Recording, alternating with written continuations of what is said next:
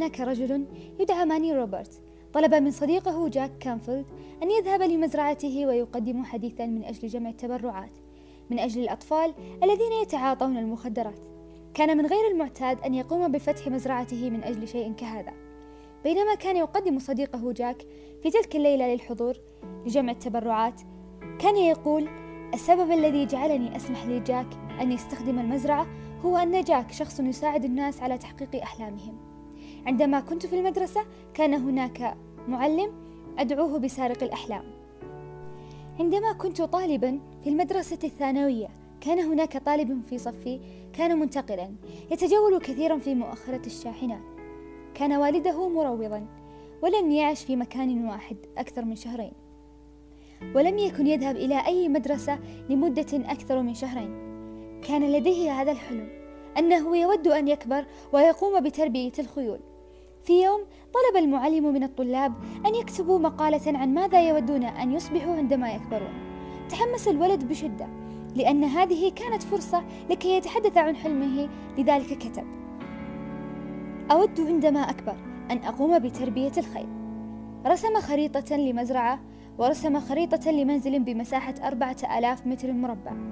رسم مضمار السباقات وأين ستكون الاستراحات ومكتب الإدارة الرئيسي وكل هذه الأمور. ثم قام بتسليم الورقة حصل عليها بعد أسبوع بأنه راسب قال له المعلم قابلني بعد الحصة الدراسية كان مصدوما لأنه وضع كل ما بداخل قلبه بها ذهب إلى المعلم وقال كيف رسبت؟ ما هي المشكلة؟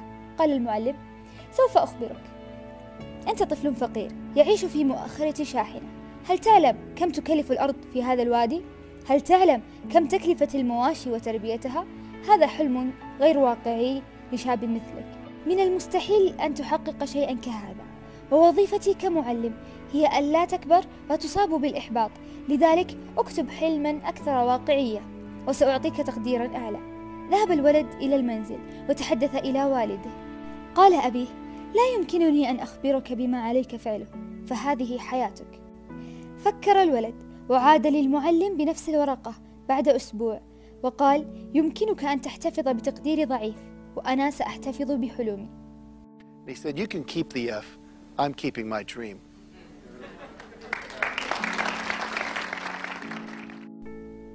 ذهب ماني روبرت في أثناء جمع التبرعات إلى صندوق البريد وسحب ورقة كان مكتوب عليها بحروف حمراء راسب قابلني بعد الحصة الدراسية والاسم على الورقة ماني إف روبرتس لقد كانوا في منزله على مساحة أربعة آلاف متر مربع في مزرعته وفي ذلك العام كان دخله أكثر من ستة ملايين دولار.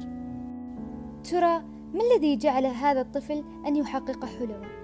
في آية قرآنية في سورة يوسف أعوذ بالله من الشيطان الرجيم قد شغفها حبا. نعم إنه الشغف هو ما يغطي القلب ويكون حجابه من شدة الحب. أي ما يعمي عينيك عن أي شيء تراه وتنظر فقط لما هو شاغفك. أن يكون تركيزك واهتمامك عليه. أن يكون سبب حياتك في أحيان ما.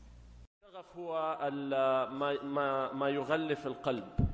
وفي القرآن آه، لما امرأة العزيز آه، تحدثوا عنها قد شغفها حبا. حبا ليوسف. وعلامات الشغف كل واحد منكم آه، مر فيها. أجريت مقابلة لطيفة مع أكثر شخص متمسك بشغفه. إلى هذه اللحظة 43 سنة من الشغف مع ماما. حدثيني يا أمي عن شغفك مع الخياطة وكيف اكتشفتيه والله يا طويلة العمر أنا كان عمري يمكن عشر سنوات عشر سنين يعني. فجيت يوم من الأيام فكرت لأن عندي جيران يخيطوا. كل ما شفت جارة رحت لها لقيتها تخيط وجلست أطالع لها.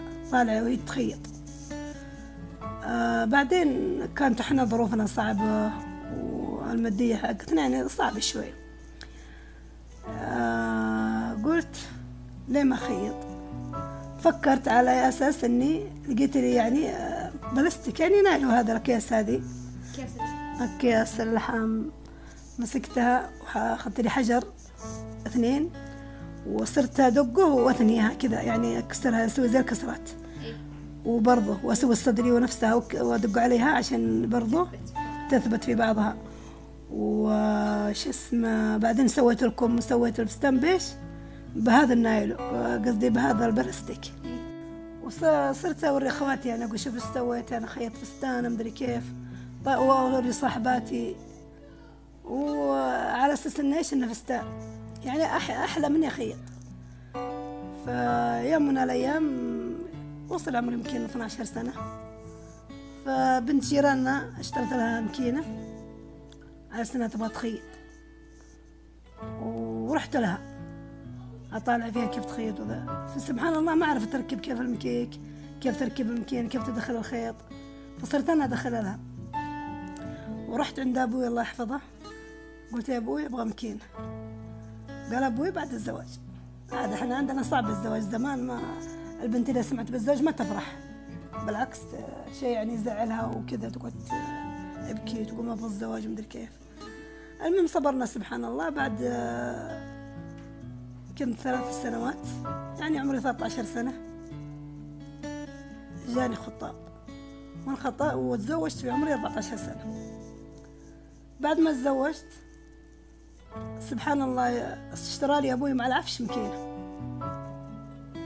وصرت اخيط في المكينه هذه أتعلم في يعني حاجة بسيطة يعني. فصار عندنا جارة من جيراننا اللي هو في ديرة الزوج اللي تزوجت. تخيط أيوه بديت اخيط لاخواتي وأول ما تعلمت في بساتينهم يعني اخيط لهم. أخيط لاخواتي بعدين صرت أتعلم لي أنا على نفسي أنا. سبحان الله أشتري لي قطعة خيط لي فستان ما شاء الله. تبارك الله على جسمي. مرة حلو. بعدين قمت آه، يعني أحاول إني أخيط وقلت أنا أعرف كذا أخيط آه، ناس أخيط لهم بلاش عشان يعرفون كيف الخيط وناس بعدين خيط بفلوس. تنافسنا أنا وجارتي. صارت هي تخيط وأنا أخيط هي تخيط وأنا أخيط. وبعدين ما شاء الله تبارك الله صرت أنافسهم. صاروا يجني ما شاء الله تبارك الله. يعني كل يعني نفس المدينة اللي أنا أنا فيها يصير يجي الخيط عندي فصرت ما شاء الله تبارك الله مشهور. فمرة يعني حبيت المكينة حبيت الخيط حبيت إني أسوي المكينة إذا اختربت أنا أسويها. أيوه. وطبعا خيط البنات. صار عندي ثنتين من البنات بديت أخيط لهم. ما شاء الله تبارك الله. صرت ما شاء الله أجمع الفلوس وأشتري لهم ذهب. وش اسمه؟ بعدين ما شاء الله صرت, صرت مشهورة.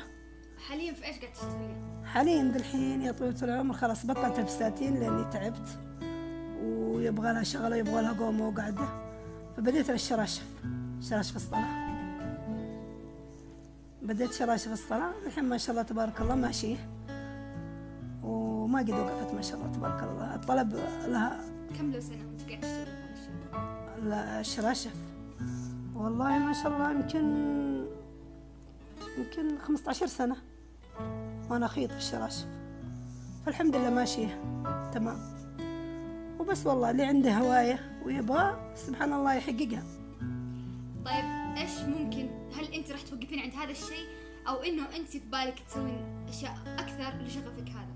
هل ممكن إذا توفرت لك الإمكانيات إنك آه، مثلا يكون عندك مصنع أو تخيطين فيه وتجيبين عاملات تدربينهم أو شيء زي كذا؟ ولا والله ودي والله الصراحة. أقدر أدربهم أقدر ما في مشكلة. شكرا لاستضافتك ماما. الله يسلمك. قد يكون بالنسبة للبعض مجرد شعور وآخرون يجعلونه دافعا للاستمرار في معترك الحياة إلا أن الكثيرون يتخذونه كسبيل يقودهم للنجاح إنه الشغف النسخة الأكثر عمقا وعملية للحب. وكما عرفته أوبرا وينفري بأنه طاقة وشعور بالقوة نابع من التركيز على ما يثير حماسك. في متاهة البحث عن الشغف ضل الكثيرون فالبعض منهم خياراتهم متعددة. لا يسعهم أن يختاروا شيئا واحدا ليكونوا شغوفين به فتتعطل الرحلة منذ بدايتها. أمام مفترق الطرق. أما البقية فهم لم يخطوا خطوة واحدة. مكتوفي الأيدي. منتظرين إلهاما يأتي لهم بشغف يتبعونه يقول نيبورت لا تتبع شغفك. بدلا من ذلك اجعل شغفك يتبعك إن الشغف موجود بداخل كل منا. فالشغف ليس بمجرد هواية اعتدت الاستمتاع بها أو إعجاب سطحي بمجال ما بل هو نتيجة بذل الطاقة والوقت والجهد والاهتمام في عمل أو حرفة أو حتى في بناء العلاقات مع الغير. نستطيع أن نستنبط من حديث الشريف المعنى الضمني للشغف. قال صلى الله عليه وسلم إن الله يحب إذا عمل أحدكم عملا أن يتقنه. فالشغف يولد بالإتقان وينمو ويكبر بالإبداعية ويتجذر بالاهتمام بالتفاصيل. فبهذا المبدأ يستطيع الإنسان أن يكون شغوفا بكل عمل يوكل به وكل لحظة يعيشها في هذه الحياة. يقول الكاتب طلال الجديبي للشغف أهمية قصوى ولكننا نبحث عنه ونستخدمه بالطريقة الخاطئة في كثير من الحالات. إن الشغف يجب أن لا يدفعنا نحو التمثيل بالحالة التي وجدناه عليها. الشغف ليس هو ذلك الشيء الذي يحصل من تلقاء نفسه ونتبعه كما هو. كلا. الشغف دافع أصيل يمكن صناعته وتشكيله حسب احتياجاتنا وإن كنت ممن لديهم شغف مسبق فاسعى لتطويره لتغير حياتك وحياة من حولك. وفي نهاية هذا البودكاست أحب أشكر ريان العتابي لمساعدتها لي بكتابة محتوى هذه الحلقة.